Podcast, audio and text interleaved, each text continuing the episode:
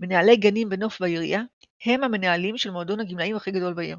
בכל מועדוני הגמלאים החברתיים שיש בעיר יהיו אולי, אולי במקרה הטוב 10% מהזקנים. ברחובות של העיר ובגינות של העיר יכולים לשבת 50% מהזקנים, הרבה יותר אנשים. זאת אומרת, ההשפעה של מנהל גנים ונוף על איכות החיים של בן אדם זקן היא עצומה. הוא צריך להבין את. זה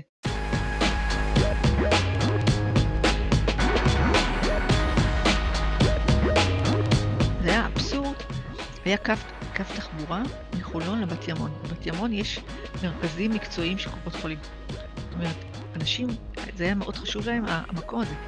ואת הקו אוטובוס היחיד מחולון לבת ימון, אה, הם פשוט ביטלו. ביטלו את הקו הזה. אתה כבר אומר מה זה, זה כבר נשמע כמו משהו זדוני, לא רק התעלמות. היה תחבורה ציבורית, והחוסר הסתכלות הזאת, זה התמצית של הגילנות. על זה שבעצם לא רואים אותם. לא שמפלים אותם, פשוט לא רואים אותם.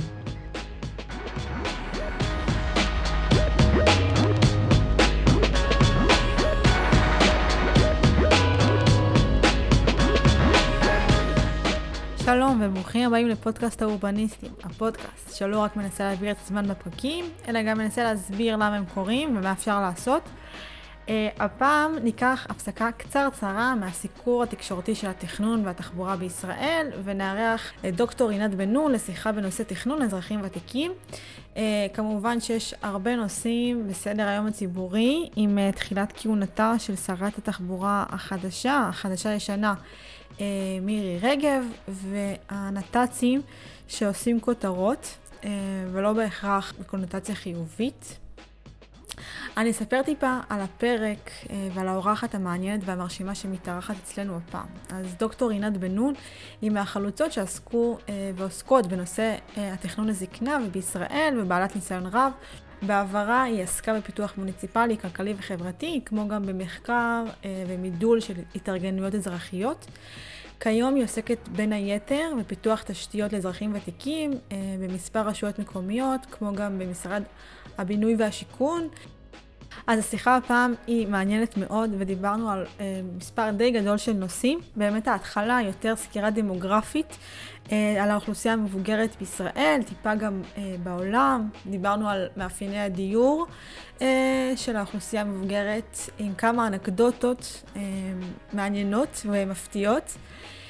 אה, באמצע השיחה דיברנו גם על שטחי ציבור והקצאות סטטוטוריות למבני ציבור ושירותים קהילתיים אה, בערים ותיקות וגם בהקמה של שכונות חדשות ודיברנו על למה בעצם הצרכים של הזקנים לא תמיד אה, נלקחים בתכנון.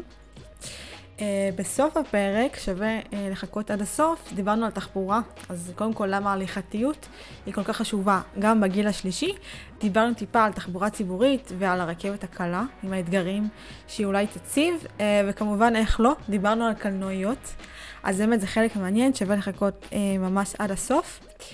ובמהלך כל הפרק הזכרנו את התדריך לתכנון אה, לעת זקנה שפורסם לאחרונה במשרד הבינוי והשיכון. עוד נרחיב עליו בהמשך הפרק, אני רק אספר שהוא בעצם אה, נועד לשימוש הרשויות המוניציפליות והמתכננים.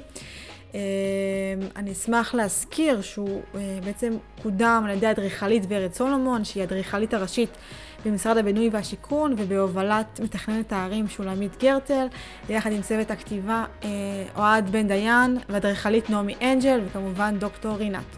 שתהיה לכם מאזנה נעימה. היי רינת, מה שלומך? בוקר טוב, שלומי טוב, תודה, מה שלומך את?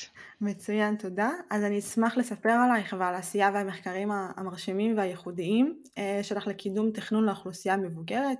כיום את יועצת למשרד הבינוי והשיכון ויועצת לרשויות מקומיות בנושא פיתוח תשתיות לאזרחים ותיקים. את חברת סגל בתוכנית רבין למנהיגות ובינתחומי הרצליה. את גם חוקרת ומטיילת ארגוני חברה אזרחית בישראל ובעבר גם עסקת בתכנון אה, חברתי.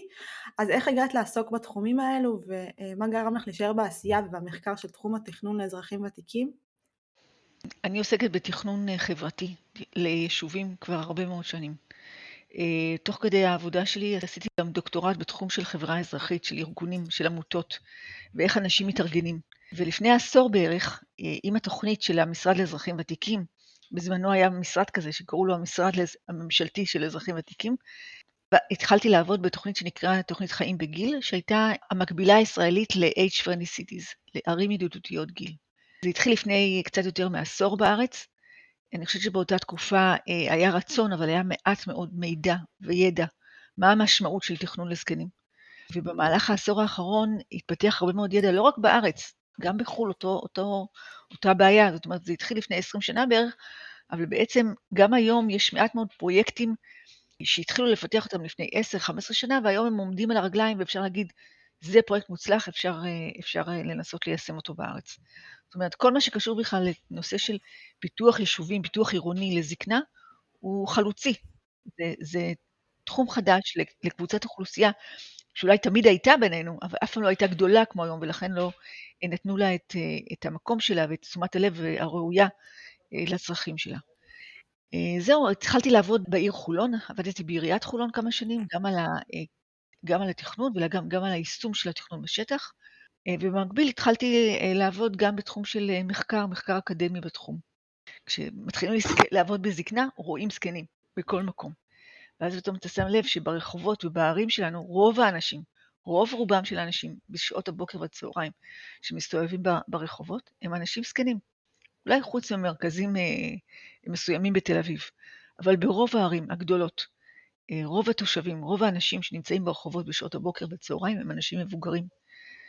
ומערכות התכנון צריכות אה, לראות אותם, לראות אותם בסדר העדיפויות הנכון, לשים אותם בראש סדר עדיפויות כמו שמגיע להם, לפי סדר הגודל שלהם, לפי הכמות שלהם והנפח שלהם בחברה ובאנשים שמסתובבים ברחוב. אז באמת בואו נדבר על הדמוגרפיה. קודם כל, אני בתל אביב, אני גם רואה אה, אנשים מבוגרים ברחוב, במיוחד באמצע היום, כמו שאמרת. אה, אז ככה באמת צריך אה, לדעת להסתכל. נדבר על הדמוגרפיה, אז, ולמה הסוגיה באמת היא, היא מרכזית. אז המגמה העיקרית, שמספר הזקנים במדינת ישראל נמצא בעלייה, אם אנחנו מקליטות עכשיו בתחילת שנת 2023, אה, וכשאנחנו מסתכלות על נתונים דמוגרפיים רואים שהיום חיים בישראל כמיליון אנשים מעל גיל 65 שזה כ-12% מהאוכלוסייה אה, בעוד 20 שנה אז צפויה הכפלה למעט, לכמעט 2 מיליון ועד שנת 2065 שילוש ל-3 מיליון איזה אתגרים זה מציב?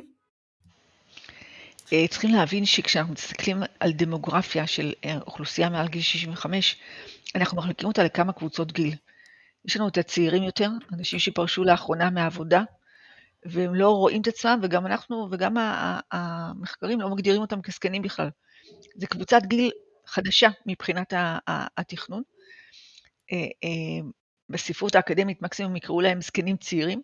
יש לנו זקנים ויש לנו זקנים מאוד, ה-old אה, old או ה-older old. והיום הקבוצה הצעירה יותר היא הקבוצה הגדולה יותר מבין מבין הבני 65 פלוס. זאת בדיוק הבעיה, שהיום, גם כשאנחנו מקבלים נתונים סטטיסטיים, גם על המס, בדרך כלל זה 65 פלוס או 75 פלוס. זאת אומרת, אין חלוקה תת-גילאית, כשבעצם יש אנשים בני 65 אה, ואנשים בני 85 זה 20 שנה הבדל. תחשבו על זה שמתכננים אה, אה, אה, כיתה לילד בכיתה א' ולילד אה, בי"ב, וזה רק 12 שנה הבדל, לא 20. ולכן יש, יש משמעות מאוד גדולה לתתי קבוצות מביניהם. אה, יש הבדל בצרכים, יש הבדל במאפייני השתתפות במרחבים הציבוריים, אה, אה, ברמת התמיכה שהם צריכים מהקהילה, מהמשפחה, מה, מהמדינה, ולכן יש מאוד חשוב ההפרדה הזאת בין הקבוצות גיל.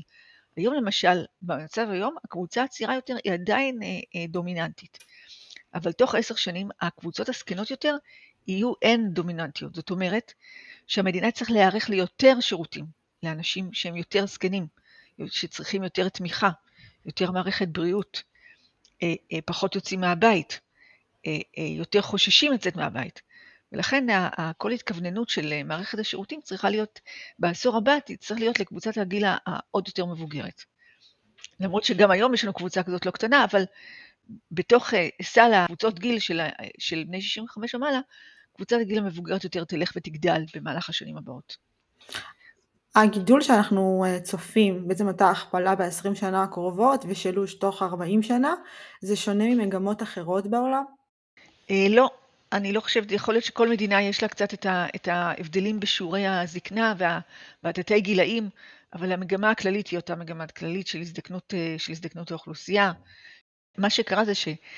בשנים הראשונות אחרי קום המדינה, בעשור, בשני העשורים הראשונים, כמות הזקנים באוכלוסייה הייתה מצומצמת, בעיקר משום שאנשים שכבר אה, חיו בארץ לפני הקמת המדינה, אה, אנשים שנולדו בארץ לפני הקמת המדינה, השאירו את, ה, את הסבים והסבתות, את ההורים שלהם, הם השאירו באירופה, ורוב ההורים שלהם נרצחו על ידי הנאצים. ונוצר כאן קבוצה של אנשים שגדלה בלי, כמעט בלי סבים וסבתות. ויש לזה הרבה מאוד השלכות, על חינוך, על תרבות, ו- וגם, על פיתוח, וגם על פיתוח שירותים לזקנה, פשוט אה, זקנה הייתה שם, הייתה באמת בתחתית סדר העדיפויות, כי מבחינת קבוצות גיל, זו הייתה קבוצת גיל הכי קטנה. גם ככה, גם כשהיא קבוצה גדולה, היא זוכה להיות uh, בתחתית סדר העדיפויות, על כמה וכמה כשהייתה קבוצה מצומצמת באוכלוסייה. אבל uh, uh, האתגרים הדמוגרפיים הם, הם, הם, בכל הגילאים, לא רק, ב, לא רק בגיל הזקנה. רק הבוקר קראתי איזושהי כתבה על, יפן, שנולדים פה שם עוד פחות ילדים ממה שחשבו, וגם בכל מקום אחר. זאת אומרת, זה אתגרים דמוגרפיים שלא קשורים רק לזקנה, הם גם קשורים לקבוצות הגיל הצעירות יותר. הכתבה למשל שקראתי על יפן דיברה על זה שלא יהיו להם אה, אה, אה, עוד מעט חיילים לצבא. אותה הבעיה יש אה, אה, ברוסיה, שמחפשת אה, מלחמות, אבל לאט לאט אה, נגמרים לה חיילים פשוט כי לא נולדים לחיילים חדשים. זאת אומרת, יש לזה, ו- ומה, ומה זה עושה לשוק העבודה, לכוח עבודה, כשמספר הצעירים מאוד מצטמצם. אנחנו כמובן שמים את הדגש על, על זה שתקופת גיל הזקנה, קבוצת האנשים ששייכים לגיל הזקנה, הולכת וגדלה, ואז אה, נוצרים אתגרים חדשים, וגם הזדמנויות חדשות, לא רק אתגרים. אה, אז עוד מאפיין דמוגרפי שהוא גם משפיע, אז הוא המצב המשפחתי של, של הזקנים. האם אותם קשישים הם נשואים וחיים בתוך תא משפחתי מורחב, או שהם גרושים ומכל סיבה אחרת גרים לבד. זה גם משפיע על אופי המגורים והיכולת הכלכלית שלהם. זקנים הם בעצם אה, אה, חלק מהתרבות המשפחתית של, של כל החברה. זאת אומרת, היום הדור החדש, שאנחנו קוראים לו דור הזקנים הבא, אנשים בני 55 עד 64, הם ראי של התרבות המשפחתית במדינת ישראל, ולכן כמעט רבע מהם הם או גרושים או רווקים. זאת אומרת, אנשים שחיים במשק בית בודד. אז מצד אחד אנחנו יכולים להגיד עליהם שזה אנשים שאולי אה, התרגלו לחיות לבד במשק בית בודד. אבל אנחנו יודעים שאדם שהוא אה, חי לבד, אה, בגיל זקנה, הוא, הוא מתמודד עם בעיות שאנשים שחיים בזוגיות לא מתמודדים איתם. הדבר הטכני היותר פשוט זה הנושא של, של אה, המצב הכלכלי. זאת אומרת, בן אדם שמגיע לגיל זקנה וחי מפנסיה אחת, לעומת אנשים שחיים משתי פנסיות. זוג שחי משתי פנסיות, ולכן המצב הכלכלי שלו, רמת ההכנסות שלו יותר גבוהה. אבל אנחנו, יש לנו למשל נתונים על בעלות על דירות. ואנחנו יודעים שאנשים שהם אה, אה, אה, אנשים שחיים לבד במשק בית בודד, אז יש להם פחות דירות בבעלותם, הם יותר שוכרים דירות, יותר, והדירות שלהם גם בבעלות וגם השכורות הן יותר קטנות. זאת אומרת שהבסיס שלהם, של דירה, הוא, הוא יותר מצומצם. מצד אחד זה אומר שהם צריכים להתמודד עם קושי של מחסור בעורף משפחתי. אנשים שהם אולי אין להם ילדים, או, או אנשים שחיו במשפחות, אה, אה, אה, אנשים גרושים שהיחסים שלהם עם הילדים הם לא כאלה שהילדים יתמכו בהם בגיל זקנה, וזו תופעה שקיימת. ולכן אנחנו נקבל קבוצה יותר גדולה של אנשים שמישהו אחר צריך לתמוך בהם. המדינה, העיר, הקהילה, יצטרכו לתת להם עזרה. וזה יצטרך לבוא לידי ביטוי גם בשירותים, באיכות השירותים ובתדירות השירותים, וגם בדיור. איזה צורת דיור, איפה הם יגורו האנשים האלה? ואם 25% מהאנשים הם גרים במשק בית בודד, זה אומר שצריך הרבה יותר יחידות דיור מאשר קבוצה שחיה בזוגיות, ויש לך דירה על שני אנשים, ופתאום יש לך דירה על, על אה, בן אדם בודד. אז, אז, זה גם, אז גם יש לזה השלכה על שוק הדיור בישראל בכלל. אז מה, מה בעצם מאפייני הדיור של הזקנים היום? אה, מה שאני אה, קראתי, מה שאני מבינה זה שבישראל יש שיעור גבוה של זקנים שממשיכים אה, להתגורר בבית לאורך כל החיים, גם בקרב הזקנים הסיעודיים, שזה בהשוואה בינלאומית, זה מאפיין שהוא מיוחד. בחו"ל למשל, בכל מדינה אחרת, השיעור של זקנים שעוברים למוסדות הוא הרבה יותר גבוה. נכון. מה שחשוב לדעת זה קודם כל שמדינת ישראל למעלה מ-80 אחוז, אני חושבת שהם למעלה מ-85 אחוז מהזקנים גרים בדירה בבעלותם, הם הבעלים של הדירות.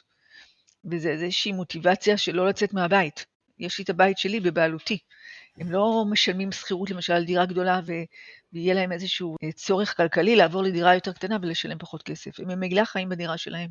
אבל זה גם משליך על זה, על השוק הכללי, זה אומר שהם אה, גרים בדירות של, שהן יכולות להיות דירות משפחה, ולא לבן אדם יחיד או לזוג. כן. יש לזה גם את, ה, את ההשלכות הללו. ובאמת, אנשים בישראל, אה, גם בגלל התרבות של השימוש בהסתייעות בעובדים זרים כעובדי סיעוד ל-24/7 או 24/6 למעשה, משליך על זה שאנשים יכולים להמשיך ולגור בבית שלהם עד, עד לימיהם האחרונים. אבל היום יש הרבה מאוד אה, אה, יוזמות חדשות, אה, גם לדיורים מוגנים חדשים, שחלקם יותר זולים וחלקם יקרים באותה מידה, אבל שנותנים מענים חברתיים. אחד, אחד המענים שאני בזמן האחרון התוודעתי אליו, ושהוא לא יקר, ושהוא לא יוזמה חברתית או עסקית או מסחרית, הוא של הרבה מאוד אנשים מבוגרים שגרים בדירות שותפים. וואו. אז באמת הייתה כתבה לא מזמן, שבה הראו אנשים באמת אה, שיש להם דירה יפה, שבצורה אה, מושכלת מחליטים להכניס עוד מישהו לדירה, גם כדי שתהיה להם עוד הכנסה קטנה וגם אה, לפתור את בעיית הבדידות. אבל אני מדברת על אנשים זקנים, בעיקר יוצאי ברית המועצות לשעבר, דוברי רוסית, או, או רוסיה או, או אוקראינה, שנאלצים לעבור לדירות שותפים של ארבעה וחמישה זקנים, משום שאין להם כסף. הם חיים על, על אה, קצבת זקנה. אה, קצבת זקנה עם השלמת הכנסה יכולה להגיע ל-2,000, 2,000 וקצת. זה לא מספיק אפילו, אפילו ארבעה אנשים ביחד. אה, כל, כל ההכנסות שלהם מספיקות להם רק לשכר דירה של דירה אחת. זאת אומרת, הם גם כשהם עוברים לגור ביחד, כמה זקנים ביחד, הם עדיין ממשיכים לחיות ברמת חיים נמוכה. אבל, אבל זה איזשהו, איזושהי התפתחות אורגנית בשטח, של אנשים שיוזמים לעצמם פתרונות, פתרונות דיור באין ברירה. אני מניחה שכל, שהצורות, אה, שהצורה של הדירה השיתופית בעצם היא מביאה איתה אתגרים שהם לא בהכרח אה, פשוטים לאוכלוסייה. נכון, תראו, בארצות הברית אה, חיים ככה בערך חמישה מיליון זקנים, בעיקר זקנות. זה המון. זה המון, אבל שם זה, זה מאוד מנוהל. יש כמה עמותות ש, שזה התחום התעסקות שלהם ושהן עוזרות להם. עוזרות להם למצוא את השותף הנכון, אה, יש להם חוזים מוכנים בין האנשים של על מה כל אחד אחראי, באיזה תנאים אתה חי אה, אה, ומה, ומה זה אומר מבחינת השותפות בדירה. זה לא המצב שאני מדברת עליו בדירות שותפים בארץ. כאן זה ממש, זה לא מאורגן, זה לא מסודר, זה כורח המציאות. זה לא, זה לא הזדמנות וזה לא, לא פתרון חברתי. זה כורח כלכלי, וזה בא על חשבון אה, הפרטיות של האנשים, אה, האיכות, אה, האיכות מגורים שלהם, האיכות הקשרים החברתיים שלהם. הם במידה מסוימת לפעמים תקועים עם אנשים בדירה שהם לא רוצים לחיות איתם. זה לא... זה, זה, זה פתרון שהוא כורח, הוא לא פתרון נוח. אבל אפשר ללמוד ממנו. אפשר ללמוד ממנו, ואפשר אפילו להסדיר אותו באיזושהי צורה. אני חוששת שהמדינה תראה בזה איזה פתרון אה, קסמים ותתחיל אה, להסדיר את זה או לשווק את זה כאיזשהו משהו אה, טוב או רצוי, אז באמת אולי פתרון... בתנאים מסוימים זה יכול להיות משהו טוב ורצוי. זה כן. אנשים ששוכרים דירות בקהילה, בעיר, במקומות שקרובים לשירותים, הם יכולים, אם אתה מארגן את זה בצורה נכונה, זה באמת יכול להיות פתרון טוב, במקום לבנות עוד מבנים כן. אה, של דיור מוגן, אה, ש, שאחת הביקורות עליו זה שהוא מבדל את הזקנים ושם אותם במתחמים סגורים לזקנים. כאן אתה מדבר על אנשים שאם אתה בונה את זה בצורה נכון, חיים בתוך הקהילה, בבניין, מגורים, בתכנון נכון ובהסדרה של זה, זה, אה, זה, יכול, להיות, זה יכול להיות טוב. הזכרת את הדיור המוגן, אז באמת כמה, כמה אחוזים מהאוכלוסייה גרים בדיור מוגן? היום דיור המוגן הוא ממש, הוא שלושה אחוז מבני ה-65 ומעלה, משהו כזה. זה באמת, אה, אה, זה, זה אומר ש... וזה, וזה הרבה פחות למשל מהפוטנציאל הכלכלי שיש באוכלוסייה. זאת אומרת, רוב האנשים לא רוצים להגיע לדיור מוגן, הם מגיעים לדיור מוגן כשהם אה, זקנים מאוד, הגיל הממוצע לכניסה הוא 80 בערך, והם בודדים, או שהם לא יכולים לנהל משק בית לבד, הם לא יכולים לתחזק את הבית, זאת אומרת, הם מגיעים לקצה כדי לעבור לדיור מוגן. למרות ש, שיש לזה הרבה יתרונות למי שיכול, יתרונות כן. חברתיים, יש לנו הרבה אנשים מאושרים שם. עדיין הדעות הקדומות ומה שידוע לאנשים אה, מבוגרים בישראל, זה מביא את זה למצב שאנשים מגיעים לשם רק, אה, רק הרוב הגדול מגיעים בלית ברירה. Uh, הנושא שאנשים, שה, שהאוכלוסייה, אני לא יודעת איך לקרוא להם, אני מרגישה לא נעים לקרוא להם אוכלוסייה זקנה או אבל הם אוכלוסייה זקנה, לא צריכים להתבייש. אם הם לא היו זקנים, אז לא היינו, זה לא היה לנו על מה לדבר. אנחנו מדברים עליהם כי הם זקנים. זקנים, כי זה אומר שיש להם איזושהי אה, שינויים גופניים או קוגניטיביים, שינויים כלכליים, שינויים באופן שהחברה מסתכלת עליהם, ואיזה תפקידים היא נותנת להם. כל זה מגדיר לנו את, ה, את התקופת גיל הזאת של זקנה, וייחודית. אה, אה, וזה מאוד שונה את מי את שואלת. אם את תדברי למשל עם עובדים, סוצי... עם עובדים סוציאליים, אז אה, הם יכעסו עלייך שאת לא אומרת זקנים. יכעסו עליי? אחרים, כן. כן, כי, זה, כי הם זקנים, והם לא צריכים ל, ל, ל, לברוח מה, מהמילה. כמו שאנחנו לא מתביישים להגיד על אנשים בני 0 עד 3 שהם תינוקות או פעוטות. אנחנו לא צריכים לברוח מהמושג של זקנה. כי אם, אני עוד פעם, כי אם אתה לא מגדיר, אנחנו עוסקים הרי בתכנון. עכשיו, אם אתה לא מגדיר את הקבוצת גיל שאתה מתעסק איתה, או הקבוצה החברתית, ואומר מה המאפיינים המיוחדים לה, המאפיינים המיוחדים לתקופת הזקנה, אתה לא יכול לתת להם שירותים. אתה לא מגדיר אותם, אז אתה לא, אתה לא מתכוונן אליהם בשום צורה. אתה לא בונה להם דיור מיוחד למצב שלהם, אתה לא נותן להם שירותים מיוחדים לדרישות שלהם. ובשביל זה אתה צריך להגדיר קבוצה, והקבוצה שאנחנו מדברים עליה היא זקנה. אני אנסה להשתמש במילה למרות שזה מרגיש לי קצת לא טבעי, אז באמת אה, העדפה הזאת של, ה... לא יודעת אם זה העדפה או כורח המציאות, של אה, להישאר בדירת המגורים שבבעלותם, הוא בעצם סוג של מימוש של עיקרון place, אה, ההזדקנות במקום. את רוצה לספר עליו? המושג aging place בעצם מתייחס לצורך לייצר סביבת חיים מיטיבה, להזדקנות מיטיבה, אה, במקום שבו הבן אדם מתבגר ומזדקן. אנחנו לא רוצים, ורוב האנשים לא רוצים, ואני חושבת שגם במדיניות ממשלתית או מדיניות של מדינות, אנחנו לא רוצים להעביר את הזקנים למקום אחר כשהם מזדקנים. אנחנו לא שולחים אותם להתייבש בשל, בקרח, בשלג, ואנחנו גם לא מגלים אותם לאזורים שהם מיועדים רק לזקנים. בן אדם להמשיך ולהזדקן בסביבה שבה הוא התבגר אה, במהלך, חי במהלך חייו הבוגרים. יש לזה הרבה מאוד אה, סיבות אה, בריאותיות וקוגנטיביות. אנחנו מדברים על זה שאדם אה, ממצה את הפוטנציאל הקוגנטיבי שלו במקומות שמוכרים לו, שהוא מרגיש אה, מחובר אליהם רגשית, שיש לו היסטוריה במקום, שהוא מזדהה עם המקום. זה המקום שטוב לבן אדם לחיות. אבל אנחנו מגדירים aging in place לא בהקשר של הדירה, אלא של המקום, ה-place. Okay. אוקיי. זאת אומרת שאנחנו אומרים שבן אדם יעדיף, ועדיף לו להמשיך להתגורר בשכונה ובאזור שבה הוא יתבגר. לאו דווקא בדירה. Okay. הוא אוקיי. יכול לעבור דירה, אבל לשמור על אותה סביבת אה, מגורים. אה, אותה מערכת שירותים, אותן מדרכות, עקומות או ישורות, שזה המקום שהוא מכיר. אנשים שהוא אבל, מכיר. אנשים שהוא מכיר, למרות שגם אחד השינויים בסביבות החיים לעת זקנה זה, זה שינויים באנשים. זאת אומרת, ככל שאנחנו מתבגרים ומזדקנים, גם הסביבה החברתית שלנו משתנה. אנשים עוברים דירה, אה, אנשים זקנים נפטרים, עוברים מן העולם, הסביבה שלנו משתנה, מגיעים אה, אה, אנשים חדשים, צעירים יותר, או, או מהגרים, בכלל, שזה בכלל יוצר אה, שכונות שמאוד מאתגרות אנשים זקנים, שבדרך כלל האחרונים לעזוב שכונות, לנדוד משכונה, כשמגיעה אוכלוסייה חדשה. ואז נוצר מצב שיש לנו, בשכונות שיש בהן הרבה הגירה, נוצר לנו מצב שרוב התושבים הוותיקים הם זקנים, ורוב כן. התושבים החדשים הם צעירים. זה יוצר עוד, עוד אתגר נכון. חברתי במקום. לש, לשני הצדדים. שאנחנו רואים בהתחדשות עירונית? התחדשות עירונית, יש, יש בה עליה הרבה מאוד מידע בהקשר של תהליכי התכנון. התכנון, ה, לא התכנון של סביבת המגורים, אלא, אלא כל המעבר, כל השלב של ההתארגנות של, של הפינוי-בינוי, של הדירות החדשות, מה, מה קורה עם זקנים בתקופת הבנייה וכדומה. יש פחות אה, אה, התעסקות בהזדמנות שזה יוצר לזקנים, בתכנון של סביבות מגורים, אבל מה שאותי מאוד מדאיג בתקופה הקרובה, זה מה קורה בזמן הבנייה. בהתחדשות עירונית, אז לפעמים אה, פשוט הורסים בניין, וכל האנשים שגרים בבניין צריכים לעבור. כן, למצוא פתרון עכשיו, אחר. למצוא פתרון אחר. עכשיו, הבעיה הראשונה היא לאנשים שגרים בשכירות. זאת אומרת, אנשים זקנים שגרים בשכירות, אין להם שום, שום זכויות בכלום.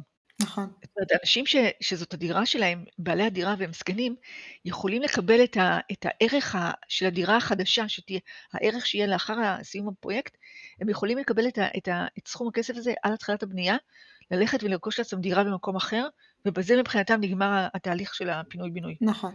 הם פשוט עוברים. מה קורה עם אנשים זקנים ששוכרים דירות? אין להם שום זכויות. 20, גם אם הם גרו באותו בניין, באותו רחוב, 20 שנה לפני כן, הם פשוט צריכים ללכת. והם צריכים לעבור מדירה שהייתה כנראה זולה, כי הייתה ישנה וקטנה, אחרת לא עושים שם פינוי-בינוי, וצריכים למצוא דירה באותו, באותו מצב במקום אחר, וזה מאוד קשה היום. זאת אומרת, כל הנושא של זקנים שגרים בשכירות, מניחה שזו אותה בעיה גם לאנשים נכון, צעירים שגרים בשכירות, כן. אבל, אבל לאנשים זקנים זה יהיה עוד יותר קשה, המעבר הזה. והדבר השני בהקשר להתחדשות עירונית זה איך הבניין והרחוב נראים בתקופת הבנייה. זה פשוט קטסטרופה. הבניין עצמו, אם זה בניין של, של אה, התחדשות עירונית, לא פינוי-בינוי, זאת אומרת שעובדים בתוך הבניין, זה יכול לקחת למעלה משנה. אני נכנסתי פעם לבניין כזה שאנשים גרו בו. ולא היו מדרגות. בזמן העבודות?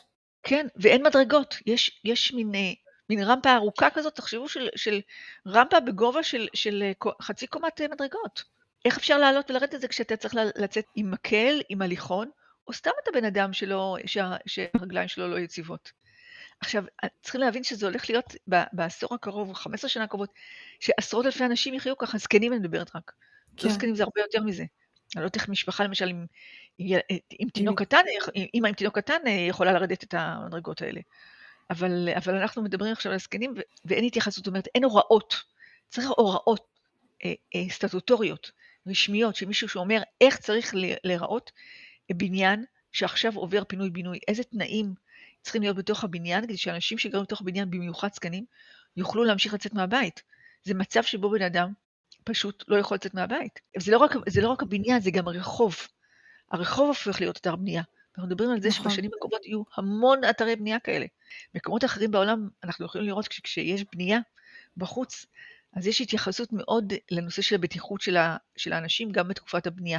נכון. אה, איך נראה המעבר חצייה, איך נראית המדרכה כשפותחים בבורות, כשיש ערימות חול מכל הצדדים. ולזה בארץ אין, אה, אין, אין, אין, מענה, אין מענה. למי פונים במידת הצורך, גם זה, זה משהו שרואים בחו"ל, וגם אה, אה, נכון. יש, יש מישהו שאחראי לזה, כלומר זה, בארץ אם יש איזשהו הסדר כזה או אחר הוא וולונטרי. עוד נושא שהייתי רוצה שנדבר עליו זה בעצם הבדידות ואיך העיר וה, ואיך המגורים בעיר יכולים להפיג את הבדידות.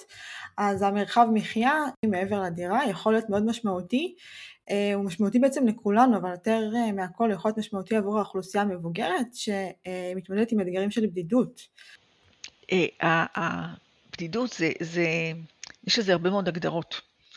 יש הגדרה אובייקטיבית שאתה יכול להגיד בן אדם שחי לבד במשק בית בודד, ואין לו שותפים לדירה ולחיים ולחשבון בנק, ויש הגדרה סובייקטיבית של האם בן אדם מרגיש בודד ובן אדם יכול להרגיש בודד גם בתוך אה, קהל של אנשים. כן. אבל כשאנחנו מדברים בהקשר של זקנה, אנחנו מדברים באמת על, על קבוצה גדולה של אנשים. אנחנו קוראים לזה זיק, בדידות מצבית. זה בדידות שנגרמת ממצב חדש. זאת אומרת, בן אדם היה לא בודד כל חייו, כי היה לו בן זוג או בת זוג, כי הוא הלך לעבודה כל בוקר, כי הוא כן. פגש את השכנים שלו, ופתאום בגיל מסוים כל הסביבה משתנה. אה, יכול להיות שהבן זוג אה, נפטר, אתה כבר לא הולך לעבודה, הילדים גדלים, גם הנכדים גדלים, לא רק הילדים, והם כבר לא מגיעים באותה תדירות. השכנים משתנים, ופתאום אתה נוצר במצב חדש שאין לך קשרים חברתיים אה, יומיומיים. בן אדם שכן היו לו קשרים כל החיים, לא היה בן אדם ביישן או בודד. מגיע למצב ש... שנסיבות החיים הם שגוזרות עליו את הבדידות. עכשיו, בהקשר לתכנון, אנחנו שואלים את השאלה, למה הוא לבד בבית? למה הוא יושב לבד בבית בין ארבע קירות? למה הוא לא יוצא החוצה? וזה בעצם מה שמערכת התכנון אה, יכולה לעזור בהקשר של בדידות, להסיר מכשולים. אה, המכשול העיקרי במדינת ישראל עדיין זה, זה הנושא של מעליות. כל עוד, אה, עד, עד שלא ייבנו כל הפרויקטים של פינוי-בינוי והתחדשות עירונית, שרובם הגדול נעשים בסביבות של בניינים ישנים שאין בהם מעליות, אז הבעיה הזאת לא תיפתר. זאת אומרת, אני לא מאמינה שיהיה איזשהו גורם ציבורי שיממן כן. מעליות במבנים פרטיים. וזה עדיין, למרות שזאת הבעיה הקשה של יציאה מהבית. אבל זה לא רק זה, זה גם מדרכות עקומות. דיברנו על זה בהתייחסות להתחדשות עירונית, של מה קורה למדרכות כשיש התחדשות עירונית בבניין ליד. אה, אבל גם מדרכות, אה, המצב הטבעי של המדרכות במדינת ישראל, שהן נולדות, כשהן יוצאות מהניילונים, הן כבר עקומות. זאת אומרת, אתה כמעט, כמעט לא מוצא מדרכה חדשה חדשה שהיא ישרה. אה, עוד, עוד בעיה למשל, היא, היא נגזרת מחוק הנגישות. באופן אה, פרדוקסלי, בגלל שיש את חוק הנגישות ויש המון המון יציאות מחניות, המון הנמכות של המדרכה לכביש, זה יוצר מצב שיש לנו, המון, שיש לנו במדרכות המון עליות וירידות, גבעות כאלה, כן. שנוצרות מה, מהצורך להנמיך את, את המדרכה לכביש, וזה יוצר מדרכות אה, לא ישרות. אבל זה גם רוחב של מדרכות, וזה מחסומים על המדרכות, וזה תאורה, תאורה, תאורה, תאורה, גם בתוך הבית וגם בבניין וגם ברחוב. תאורה היא אחד האמצעים להקל מאוד על אנשים להסתדר בכלל, אה, לקרוא, לבשל וגם לצאת מהבית. אה, כן. אה, אנשים לא מתארים לעצמם כמה שתאורה יכולה לשנות את יכולת הראייה, אבל זה תאורה, זה שילוט, זה הצללה. זה, זה בעצם אנחנו אומרים מה אנחנו עושים, איך אנחנו מפתים את הזקנים לצאת מהבית. מה אנחנו נותנים להם בחוץ שהוא יותר טוב ממה שיש להם בתוך הבית. אפשרויות להיפגש עם אנשים אחרים, אפשרויות לצאת החוצה למרחב שהוא יפה, שאנחנו מדברים למשל על גינון, מה, מה ההבדל בין גינות, מה, מה המיוחד בגינות בפארקים עירוניים וזקנה. אז אנחנו מדברים על זה שהם הם, אה, על טבע, על טבע עירוני. אנשים זקנים כבר לא נוסעים לטייל, כבר לא עולים כן. על אוטובוס ונוסעים לטייל. מה שלא יהיה להם ליד הבית לא יהיה. זה נכון לגבי כל דבר, אבל במיוחד לגבי טבע. זאת אומרת, גנים שיש בהם יותר טבע, פחות אה, גנים אה, מלאכותיים כאלה. כן, פחות, פחות פלסטיק ופחות גם גינון גינון סטנדרטי, שנראה כמו פלסטיק, גם אם הוא לא מפלסטיק, אלא גינות יותר, גינות יותר אה, אטרקטיביות, עם מקומות ישיבה נוחים, עם שבילי הליכה בתוך הגינות, עם, אה, עם מקומות שהם, אה, שמצד אחד הם, הם מקומות רב, רב גילאים, רב דוריים, אבל גם, לצד זה, גם מקומות יותר אינטימיים. אתם יודעים, למשל, האנשים רואים את כל האנשים מבוגרים, את הזקנים שמשחקים שחמט או ששבש או קלפים. בשולחנות הציבוריים האלה. ציבוריים, אבל, אבל הרוב הגדול מהם, אם היה להם בחירה, הם לא היו עושים את זה על הרחוב. הם היו okay. אוקיי. עושים את זה מאחורי הרחוב, בגינה שהם קצת מוסתרים אה, מהעין. זה לא נעים להם, לכולם, העניין הזה שהם רואים אותם יושבים כל היום אה, לכאורה מתבטלים ברחוב, משחקים קלפים. זה לא, זה לא מצב שהוא, אה, שהם גאים בו, כולם. והם כן היו רוצים, גם חלקם הגדול היו רוצים בתוך הגינות מקומות שלהם שהם לא, שהם לא בקו ראשון לרחוב. כן. למשל, אני אומרת לך כל מיני מאפיינים קטנים, יש על זה מחקרים שלמים עם, עם מאפיינים אחרים, אבל, אבל באמת אה, אה, צריכים לחשוב איך, עוד פעם, כל אחד שיוצא היום החוצה אחרי שהוא שומע את, ה, את הפודקאסט, שיסתכל החוצה ויראה כמה זקנים הוא רואה בחוץ. לא, האמת... כמה שיש זקנים בחוץ, אם החוץ היה יותר מסודר, ויותר מאורגן ויותר נוח להם, היו הרבה יותר זקנים בחוץ. והיינו יכולים לשאול אותם, והיו פחות אנשים שיושבים לבד בבית. אני אתן לך דוגמה, אני רוצה לדבר על הדוגמה הזאת. עשיתי מחקר על, על אנשים מבוגרים, על זקנים שאוכלים פלאפל, אוכלים אוכל רחוב. כן. ושאלתי אותם, למה הם אוכלים אוכל רחוב? למה הם מגיעים למקום הזה? ועלו שני סיבות עיקריות. קודם כל, הם מגיעים למקומות שהם הכירו ממהלך החיים שלהם. הם לא מגיעים לפלאפל חדש שנפתח עכשיו. כן. הם מגיעים למקומות, זה יכול להיות גם אה, אוכל רחוב אחר, לא רק פלאפל, שהם מכירים המון שנים, שהם מכירים מהתקופה שהם היו יותר צעירים. היה לי מוריין אחד שאמר לי, אני מכיר את הפלאפל הזה, גם את אבא שלו הכרתי, אה, שניהל את הפלאפל. זה, יש לזה איזשהו ערך אה, רגשי, העניין הזה שאני יוצא החוצה ואני מגיע למקום שהוא מוכר לי, שהוא נוסח בי הרגשת בטיחות, נינוחות. והדבר השני זה שלא כיף לאכול לבד. כן. ויש על זה הרבה מאוד מחקרים על הקשר בין, בין אכילה לבדית. מדברים על מה זה בדידות. למשל, בדידות היא לאכול לבד. לעשות את הקניות לבד, לבשל לבן אדם אחד. זה, זה תהליך שלם שכשאתה חי לבד הופך להיות מאוד מבאס.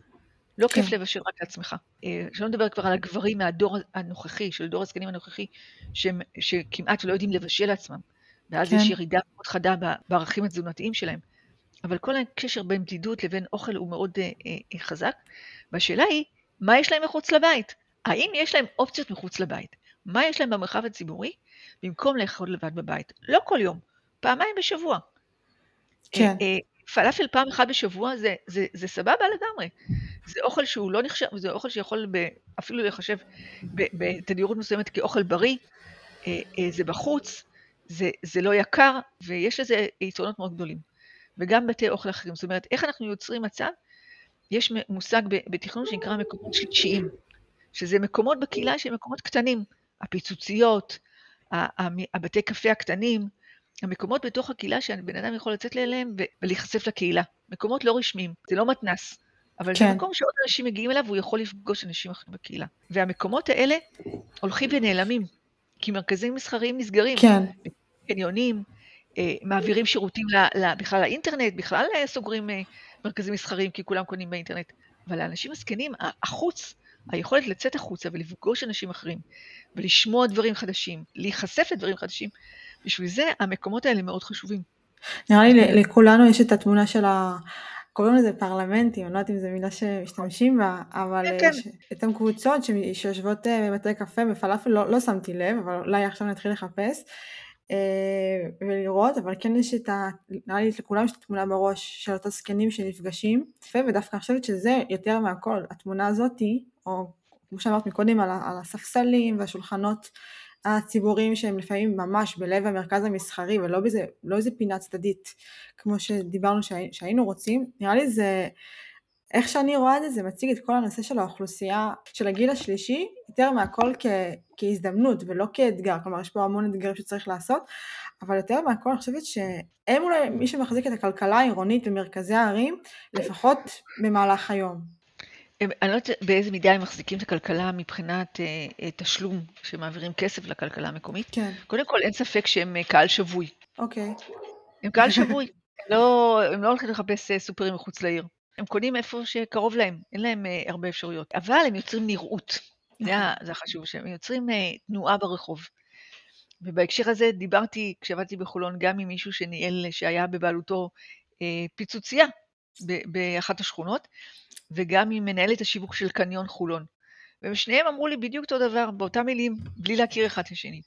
הם אמרו לי שהזקנים טובים להם, שהם יוצרים אה, אה, תמונה של, אה, של חיוניות, של, אה, של תנועה במקום. כן, אה, אה, מי שניהל את הפיצוצייה גם אמר לי, תשמעי, כשיושבים כאן הזקנים בכניסה, אז לא באים אה, בני נוער שמשוטטים, או קבוצות אוכלוסייה שהוא לא רוצה לראות ליד הפיצוצייה. כן. זאת אומרת, הם, הם גם יוצרים איזשהו מצב של תמונה שהיא נעימה.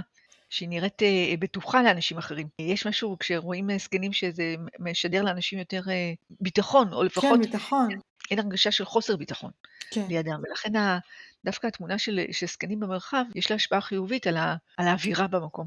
נכון. אה, ומבחינת שטחי ציבור, אז איזה שטחי ציבור או, שירותים ציבוריים הרשויות המקומיות או הממשלה מספקים ואיפה אפשר לשפר את זה? אה, אה, עכשיו אה, סיימנו לכתוב את התדריך תכנון לעת זקנה במשרד הבינוי והשיכון, ואחד הנושאים המרכזיים שאנחנו מתייחסים אליו זה הנושא של פרוגרמות לשטחי ציבור. קודם כל, קבוצת הזקנים מאוד גדלה, ולכן באופן כן. יחסי, אה, גם הכמות השטחים אה, אה, הציבוריים שהם זקוקים להם היא גדולה בה- בהתאמה, באותו יחס לפחות. כן, אפילו, ואני מדברת על זה רק ביחס לשירותים שכבר הוגדרו במנהל התכנון כשירותים לזקנים. רק אלו כבר צריכים יותר מקום באופן יחסי לאוכלוסייה. הבעיה היא שכשמתכננים שכונה חדשה או עיר חדשה, הספי כניסה מתייחסים לשנתונים של הילדים, לשנתונים של הצעירים, לגנים ולא של- ולבתי הספר. לגנים. הגנים. אבל כל שכונה כזאת, קודם כל, לפי דעתי היום יש מעט שכונות שהן, כשהן מתאכלסות, הן שכונות צעירות. לפי דעתי כבר אין מצב כזה. כן, אין כבר מצב כזה, אולי בפריפריה. במרכזי הערים, כל שכונה חדשה, יש לה לפחות 10% אם לא יותר, בשלב האכלוס, יש לה כבר וואו. זק- 10% זקנים. בתוך 10 שנים זה יעלה ל-20%. זאת אומרת, ה- ה- ה- להסתכל על השכונה ולהגיד, בשלב ראשון היא תהיה שכונה צעירה, אני צריך מלא גנים ובתי ספר, זה נכון, אבל יהיה לכם גם מלא זקנים. כן, וברוב השכונות החדשות לא מתייחסים לזה. גם אם יש אולי בשטח, מישהו יקצה לזה שטח, אז העיריות לא יקימו, לא, לא בשלב הראשון יקימו, לא יבנו בית ספר, גן ילדים ומועדון קשישים. מועדון לגמלאים. הם לא יעשו את זה. זה, זה תמיד יידחה. ואז המועדונים לגמלאים, הם תמיד אה, מנסים להכניס אותם לתוך אה, איזשהו חדר במתנ"ס, שמיועד בעיקר לילדים ונוער, כן, או לתת להם את איזשהו אה, חדר בבית ספר בשעות אחר הצהריים. זאת אומרת, אין התייחסות שהיא מכוונת אליהם. למרות שנומינלית מבחינה מספרית, הם קבוצה גדולה מאוד בשכונה החדשה. לא יש בתי ספר שב- שאחר הצהריים הופכים להיות מרכזי, מרכזי יום לקשיש? לא, לא? מרכז יום לקשיש הוא, הוא מרכז שעומד בפני עצמו, אוקיי. זה, זה שירות של ביטוח לאומי, משרד הרווחה, הוא ממומן, הוא, הוא, אה, אה, הוא סטטוטורי, כמעט אוקיי. סטטוטורי כמו בית ספר. לא בא- באותה מידה, אבל, אבל הוא חלק משירותים שניתנים. הבעיה היא דווקא עם, עם זה שאנחנו מדברים על זה שיש לנו הרבה מאוד צרכים אחרים. מרכז יום לקשיש מיועד לאנשים הזקנים ביותר, שיש אוקיי. להם ירידה בתפקוד. בדרך כלל הם גם מוסעים לשם. הם לא באים ברגל, אבל הם מוסעים לשם. שאר הדברים שכן צריכים אותם זה כל ההקשרים החברתיים. המקומות לאנשים שהם צעירים יותר, אנשים שפרשו מעבודה, וצריכים את המקומות שלהם, את ה, את ה, יש היום את, יש שירות חדש שנקרא אפ 60, שזה מרכזי הכוון לאנשים שפרשו מעבודה, לאנשים שבפנסיה בשנים האחרונות, צריך מקום. אה, אה, יש לנו היום, אה, ולהבדיל, יש לנו היום קבוצות חדשות של זקנים, שהם בעלי מוגבלויות לאורך החיים, שעד לפני עשור, אולי קצת יותר מזה, פשוט לא היו שורדים עד גיל זקנה. והיום עם התקדמות המערכת הבריאות, הם גם שורדים, ופתאום יש לנו קבוצות של כן. עיוורים זקנים. לאו דווקא אנשים שחלו במחלות של ראייה או שמיעה בגיל זקנה, אלא אנשים שהיו לאורך החיים שלהם היו עם, עם הנמכה קוגנטיבית, או, או עם מוגבלות זו או אחרת, והם מגיעים לגיל זקנה, והם צריכים את המקום שלהם. והיום אין הגדרה של מקום. זה מגיע לידי מצב ש, שמשרד הרווחה יכול לתת uh, תקציב לשירות לאוכלוסייה כזאת, כן. אבל אין מקום לשים אותה. פשוט אין מקום... Uh, יש רשויות בארץ ש, שכן uh, מפעילות ומקצות שטחים לפעילויות כאלה? כל עירייה שיש לה מקצה שטחים, הבעיה היא שמראש כן. אין לה שטחים. בכלל שטחי רווחה זה, זה אפשר לעשות מזה פודקאסט נפרד, נושא של שטחי ציבור לרווחה, אבל לכל הגילאים. כן. שיש עם זה מחסור חמור. אבל למשל, מערכת התכנון היום היא כזאת שרוב רוב רובם של שטחי הציבור זה מערכת החינוך. זה ילדים ונוער. זה המצב בכל מקום. כן. עכשיו, יש הרבה, יש הרבה מקומות שבהם אה, אה, מערכת החינוך מאוד מצטמצמת. ובתדריך תכנון שכתבנו עם משרד הבינוי והשיכון, אה, אה, בעצם אמרנו בואו תסתכלו על, על פרוגרמה בשני שלבים. לשלב הראשון של אכלוס השכונה, ולשלב השני של 10-15 שנה אחרי זה, כן. כשהשכונה מתבגרת, והיא מתבגרת בבת אחת. ובעצם אנחנו אומרים להם, מראש אנחנו מגדירים שמבנה מסוים הוא עכשיו גן ילדים, על המפה רשום בעוד 15 שנה הוא מועדון חברתי לגמלאים. ולמה זה נורא חשוב לי שזה יהיה רשום? כי כשזה לא רשום, זה לא קורה. כן. יש היום, אה, אה, למשל, אה, מרבית מועדוני הגמלאים בארץ הם גני ילדים לשעבר. אוקיי. זה, זה אף כן. אחד לא בנה, מעט מאוד מבנים לגמלאים הם מבנים יהודיים. וזה קורה כשמישהו נותן איזה תרומה. זה, זה המצב. סתם מועדון גמלאים, אה, אולי קצת מפעל הפיס פה ושם, אבל, אבל באמת רוב רובם של המבנים של מועדוני גמלאים זה גני ילדים לשעבר. ו, ולפני כמה שנים, הרי חל חוק החינוך, אה, הורידו את, אה, את חוק החינוך לגילאי 3 עד 5. כן. ופתאום העיריות היו צריכות עוד עשרות גני ילדים. אז מה עושים? זה קורה, זה קורה בהרבה מקומות. זה קורה כן. בהרבה מקומות. בוודאי, ברגע שיש, ברגע שמבנה של בית ספר הופך להיות אה, מתנ"ס למבוגרים, ופתאום צריכים עוד בית ספר, ילכו בחזרה.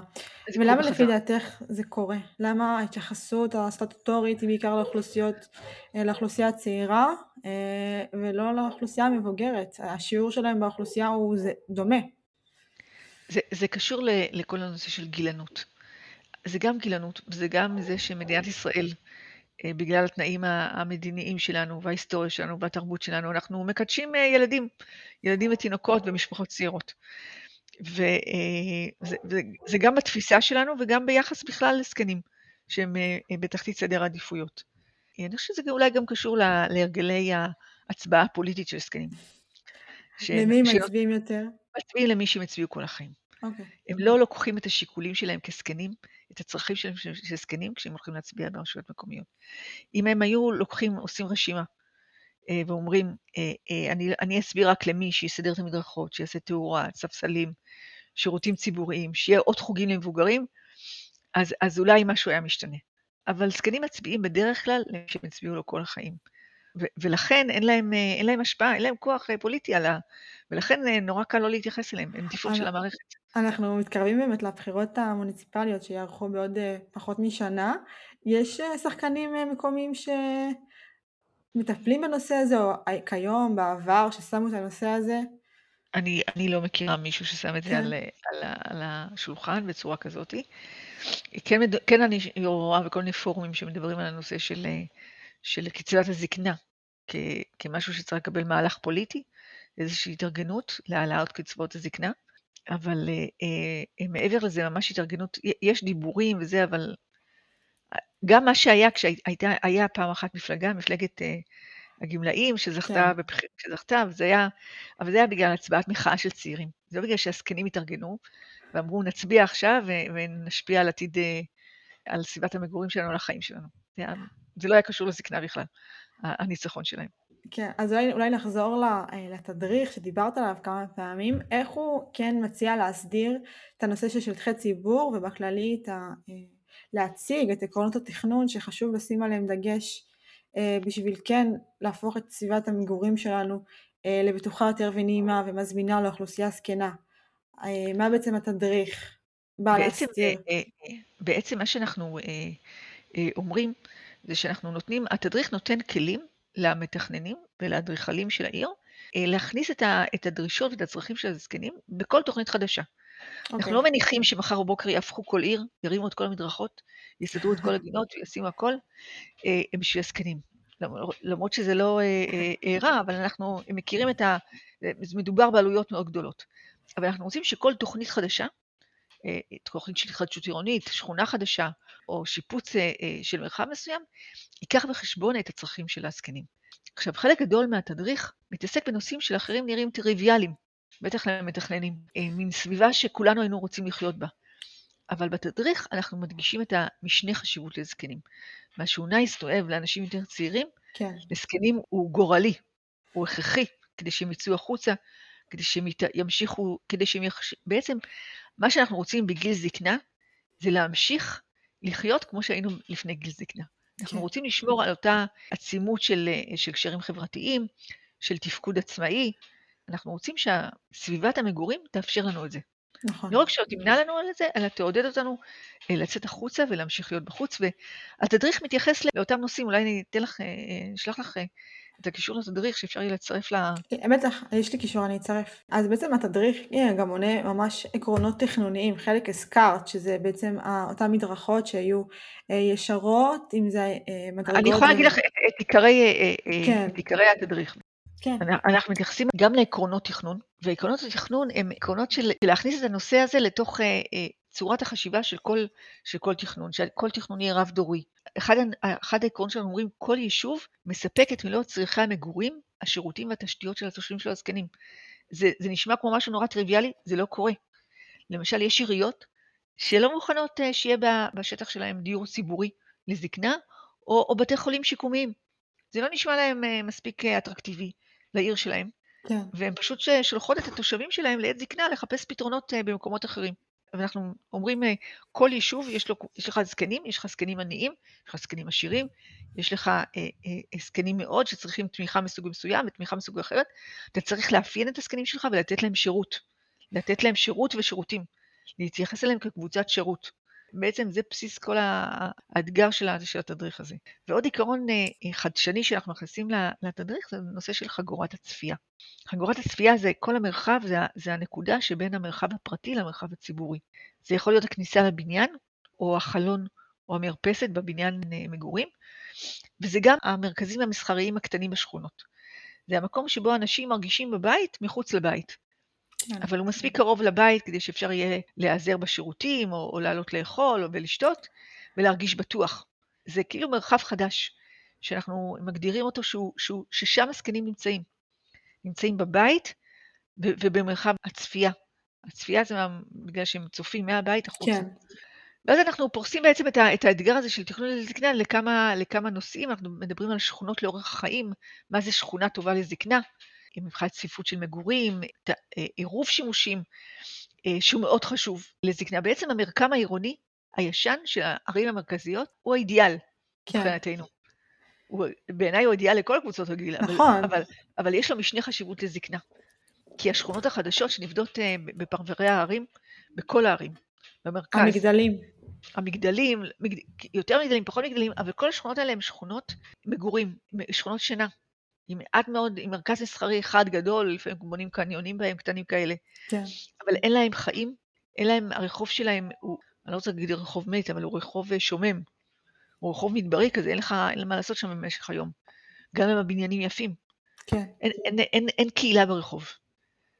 אה, אה, וכדומה, ואנחנו מדברים על רשת רחובות צפופה, שהיא חשובה גם כדי שמרחקי ההליכה יהיו קטנים. וגם שהם יהיו נוחים ונעימים להליכה, שלא יהיו רחובות מאוד ארוכים, הם, הם מפחידים. כאילו, משהו שנראה לך מאוד אה, חדגוני אולי. לא זה לא רק חדגוני, יש גם בעיה עם זה שכשמסלול ההליכה הוא מאוד ארוך, okay. אוקיי. אז יש הרגשה לא נעימה שיש לי המון ללכת. וכשלוקחים את אותו מסלול הליכה ומחלקים אותו כן. עם כמה צמתים, הוא הופך להיות יותר אה, נגיש אה, פסיכולוגית. אחת הבעיות למשל הגדולות היום שהולכת להיות בגוש דן זה הרכבת הקלה. לרכבת הגדלה היא מגודרת. אז היא לא מאפשרת לח, לחצות אותה ב, ב, בכל מקום. יש לה את המעברי חצייה שלה, אבל הם בתדירות נמוכה יחסית. זאת אומרת, כדי להגיע, מ... לחצות רחוב כשיש לך רכבת קלה באמצע, את צריכה לעשות סיבוב מאוד גדול. זה הופך את המרחקי ההליכה למאוד ארוכים. זה ממש אה, אה, אתגר מאוד גדול, הרכבת הקלה. אה, אנחנו מדברים על, על מרחב ציבורי בטוח, נגיש ומפגיש. זאת אומרת, אנחנו רוצים שה... אנחנו מדברים מחתך רצועת ההליכה, הבטיחות בהצללה, על שפת רחוב מכלילה, שיש בה נקודות ציון ליצירת התמצאות, תאורה, חדרי נוחיות, כל הצבעים והחומרים הם כאלה שמשדרים נוחות ובטיחות. ואנחנו מתייחסים כאן בתדריך לחומרים שיש לנו על, על איך מתכננים עיר לאנשים עם דמנציה למשל, אנשים עם ירידה קוגנטיבית, שיש להם בעיה בקליטה של, של צבעים מסוימים, של צורות מסוימות, של, של, של העיר בכלל. ומה לעשות, חלק גדול מהאנשים הזקנים, יש להם איזושהי ירידה קוגנטיבית. לרוב האנשים אין אלצהיימר. אמנם כן. אלצהיימר זה היום זה מגפה, אבל לרוב האנשים הזקנים אין אלצהיימר. אבל יש ירידות קוגניטיביות אחרות, ש, שלכל אחד יש את הנקודה אחת או שניים שיש לו איזושהי ירידה קוגניטיבית ש, שצריכים להתייחס אליה. אנחנו מדברים על, על ריבוי של מר, מרחבי מפגש ושל שטחים פתוחים, פנאי, על, על רשת ספסלים. רשת ספסלים זה אומר שמכל בית ולכל נקודה חשובה בעיר, יש ספסלים כל 100 מטר. זה אומר שכל העיר מרושתת בספסלים. לא רק המקומות שבהם יש הרבה זקנים כמו קופות חולים או קניונים, ששם יש הרבה ספסלים. לא, גם הדרך עד לשם היא, היא חשובה שתהיה רצופה בספסלים. על פינות ישיבה מסודרות בכניסה למבני מגורים. שאנשים לא יצטרכו לאלתר להם זולות כאלה בכניסות למבנים עם, עם ספות ישנות וכל מיני דברים כאלה. אה, כל הנושא של פארקים וגינות וחופי ים, להנגיש אותם. אחד החופים המקסימים בעיניי בהקשר לזקנה, יש חוף בנהריה, אני חושבת שזה חוף הגליל, אה, אה, ש, של, שבאופן אורגני, אני דיברתי עם, עם, עם מי שאחראי על זה בעיר, והוא אמר שזה לא תוכנן, זה פשוט באופן אורגני, כל הזמן סידרו אותו עוד יותר טוב לזקנים ועוד יותר טוב לזקנים, ובסוף יצר תשתית כמו של דיור חמישה כוכבים. איך, איזה, איזה אלמנטים שילבו בו ש... ש... יש שם, קודם כל, ההגעה אל הים, אל המים. יש כמה אפשרויות של הגעה אל המים. כשאתה בא עם מקל הליכה או עם הליכון, החוף הים בתוכו זה בריכה. באופן טבעי יש כן. איזושהי בריכה, ואפילו את הבריכה הזאת חילקו עם, אה, עם חבלי אה, ציפה כאלה, כמו בבריכות. ויש אה, הרבה מקומות ישיבה מוצלים, בצורות שונות, עם צבעים שונים. יש מקלחות מאוד קרוב, מקלחות ושירותים מאוד קרובים, הכל בקרבה. זה יוצר מצב שזה גם נראה יפה וגם מתאים, וכל היום יש שם המון זקנים. כל היום יש שם המון זקנים. מה שאומר שכשמסדרים ומארגנים, זה בדיוק ההוכחה שכשמארגנים את המרחב הציבורי בצורה יפה ונוחה, זקנים יוצאים החוצה. הזקנים שנמצאים שם כל היום הם לא זקנים בודדים. כן. הם זקנים שיש להם סיבה ויכולת לצאת החוצה ולהגיע למקום נוח ויפה ואטרקטיבי, שהוא גם חברתי והוא גם ספורטיבי אה, והוא גם נעים. וזה ממש ההוכחה לזה שאיך תכנון נכון של מרחב ציבורי יכול אה, אה, אבל לא רק זה, יש לי תמונה מאוד יפה שאני אוהבת להראות של השוק בפתח תקווה. אני מראה את התמונה הזאת פשוט כי אני מכירה את השוק בפתח תקווה מילדות, אני יודעת איך הוא נראה לפני כן. מה רואים בה? ובתמונה היום רואים מקום מאוד מסודר, הוא מקורה. הרצפה ישרה ונקייה וצבעונית. אני לא רוצה לתאר לכם איך זה נראה מקודם, אבל זה היה הפוך על הפוך מכל מה שאני אומרת לכם עכשיו לטובה. זה היה מקום שאי אפשר היה ללכת בו אה, אה, אנשים זקנים בשום פנים ואופן. אה, זה לא היה נעים אסתטית גם לאנשים אחרים בכל הגילאים, אבל, אבל בטח אנשים זקנים לא יכלו ללכת שם. והיום זה מקום שכשאתה מגיע אליו אתה רואה הרבה מאוד אנשים זקנים, עם קלנועיות, לא דיברנו על קלנועיות, צריכים לדבר על קלנועיות, אה, עם, עם, נוח להם ללכת עם, ה, עם הסל עם הגלגלים, עם מקלות הליכה, הוא, הוא, הוא יפה, הוא נעים, הוא, הוא אטרקטיבי, הוא מעניין להיות שם, פשוט כיף להיות שם. וזה, אתה אומר, בן אדם, אם אתה צריך להזמין אוכל באינטרנט, או לצאת לשוק ולהסתובב איזה אה, שעתיים בשוק במקום צבעוני ויפה, שאתה רואה דברים חדשים, ואנשים, ואתה פוגש אנשים שאתה כבר מכיר, כי גם רוב המוכרים שם בשוק הם אנשים מבוגרים כבר, אז אתה פחות בודד. עכשיו, אנחנו לא נפתור להם את בעיית הבדידות לאנשים שחיים לבד כן. בבית. אבל אנחנו יכולים, אה, כמו שאמרתי לך, אנחנו בעברית אומרים להפיג בדידות. אנחנו לא פותרים את בעיית הבדידות, אבל אנחנו כן יכולים ליצור את ההפוגות האלה, שיכולות להקל על הבדידות.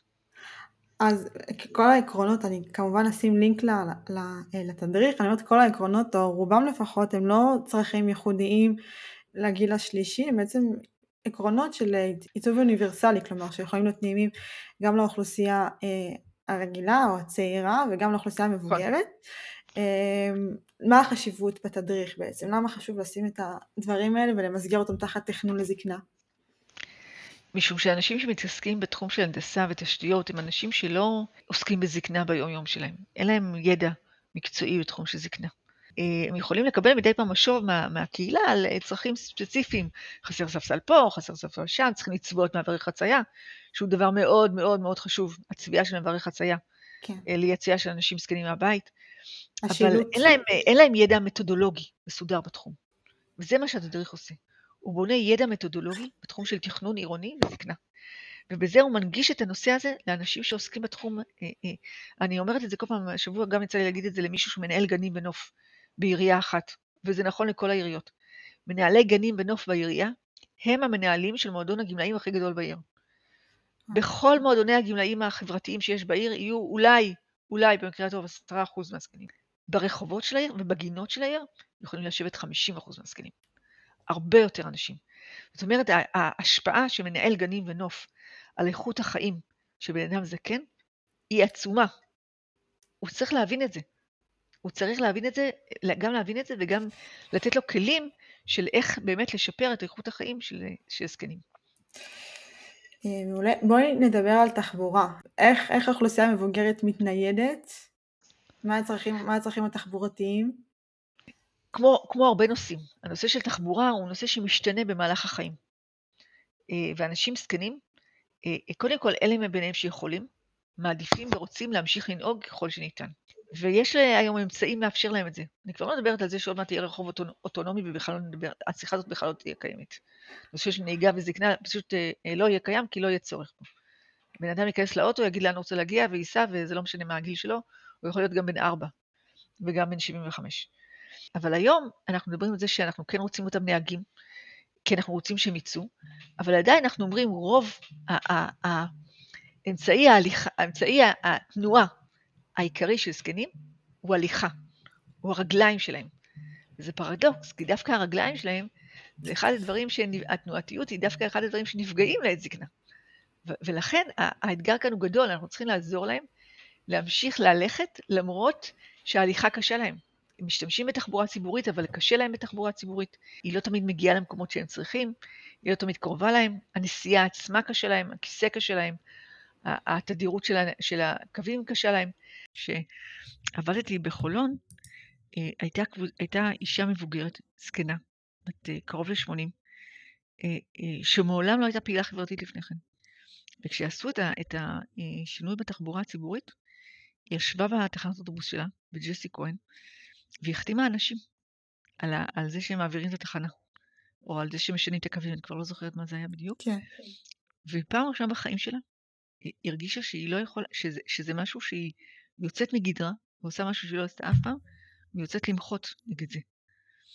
ו, ועד כדי כך זה היה אה, אה, משמעותי בחיים של אנשים מבוגרים אה, באותו מקום. שבאמת הם אנשים ממש... זה, זה, היה, זה היה אבסורד, היה קו, קו תחבורה מחולון לבת ימון. בבת ימון יש מרכזים מקצועיים של קופות חולים. זאת אומרת, אנשים, זה היה מאוד חשוב להם, המקום הזה. ואת הקו אוטובוס היחיד מחולון לבת ימון, אה, אה, הם פשוט ביטלו. ביטלו את הקו הזה. זה כאילו, אתה אומר, זה לא, זה כאילו, אתה כבר אומר מה זה, זה כבר נשמע כמו משהו זדוני, לא רק אה, חוסר התעלמות. כן. זה, זה, אני זוכרת שנשים אז אמרו לי, אמרו לי, מה אנחנו יכולות לעשות? אנחנו לא יכולות לשלם על מונית כל פעם שאנחנו נוסעות לקופת חולים. היה תחבורה ציבורית, והחוסר הסתכלות הזאת, זה התמצית של הגילנות. על זה שבעצם לא רואים אותם. לא שמפלים אותם, פשוט לא רואים אותם. ולכן ההליכה היא האמצעי התנועתי העיקרי של זקנים. ומכאן נגזר לנו כל החשיבות של המדרכות הישרות, ושל התאורה, ושל השילוט, ושל הצל. זה הכל קשור לתנועה באמצעות אה, הליכה על הרגליים. כשהכלי העיקרי חוץ, מ, חוץ מהאביזרים האחרים, כמו מקל הליכה והליכון, זה, זה הקולנועיות, שזה דבר שלא מדברים עליו מספיק. למרות שבטח זה הולך וצובר תאוצה, ויום אחד אה, אה, זה יתפוצץ לכולנו אה, בפנים. כבר היום כשאתה רואה, רואים פרלמנטים של זקנים, תמיד יש איזה קלנועית אחת או שניים לידם, והם מכנים את זה איפה שנוח להם. כי אין, אין, אין דבר כזה חניות לקלנועיות. כן, אין הסדר. אין, אין שום דבר מסודר. מכנים את זה בכניסה לקופת חולים, איפה שהם עוצרים, שם הכי קרוב לפתח, את הקלנועית והולכים, וזה יכול לחסום את הכניסה לאנשים אחרים. כל הנושא של, של בטיחות. הקלנועיות הקטנות למשל, הקלנועיות הבודדות יכולות להיות על המדרכות. הן במהירות הליכה, והן לא פוגעות בהולכי הרגל, יש על זה מחקר שנעשה כן. בטכניון. אבל, אבל זה נושא שלא לא מדובר עליו, ועוד פעם, זה, זה גם תוצר של גילנות.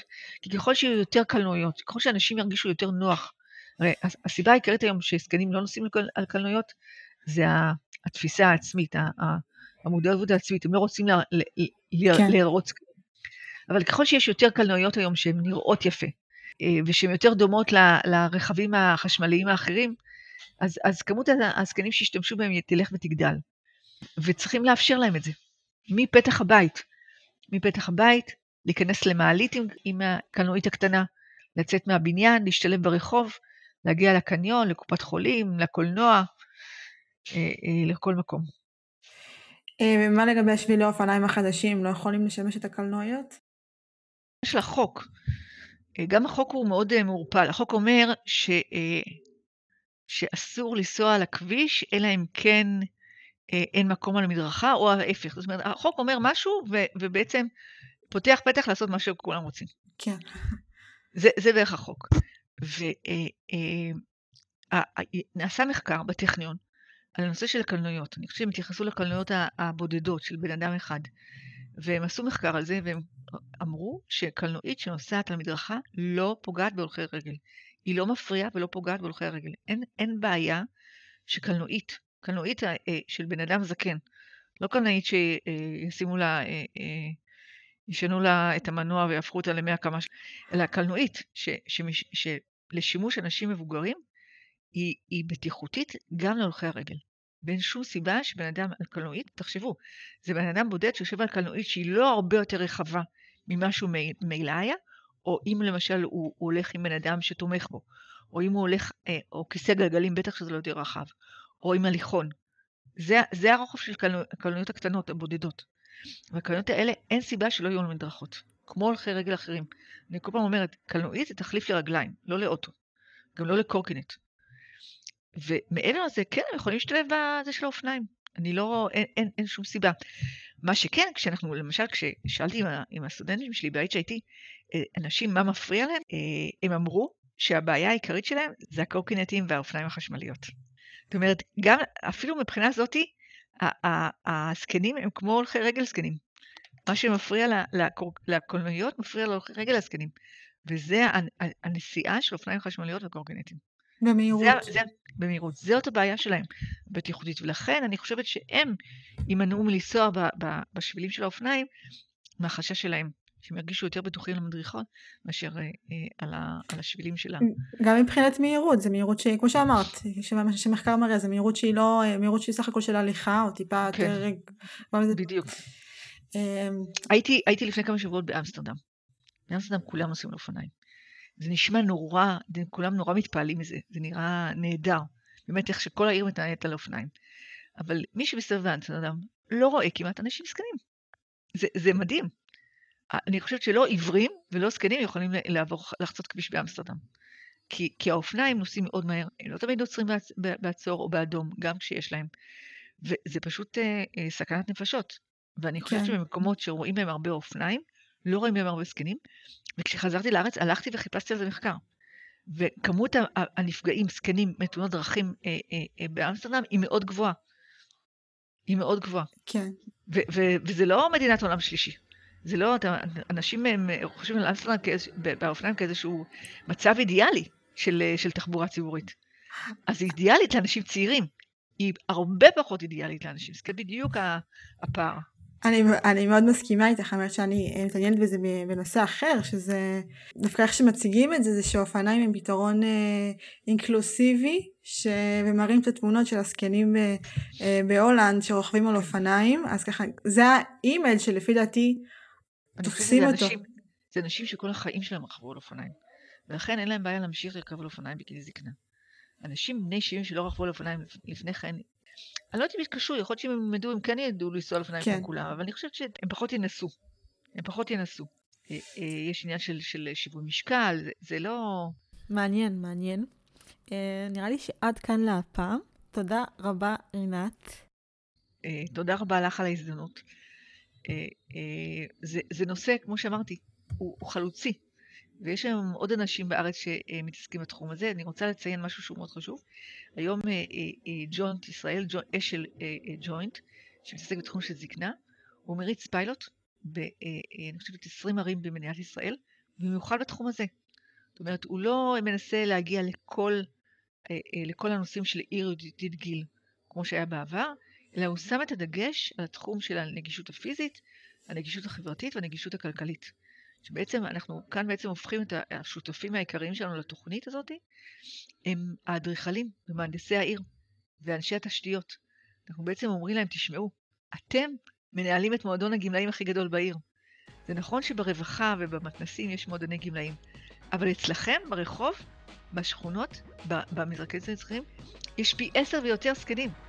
אתם בעצם, אצלכם, בתחום עבודה שלכם, במנדט שלכם, בתפקיד שלכם, יש הרבה יותר זקנים מאשר בכל מקום אה, אחר.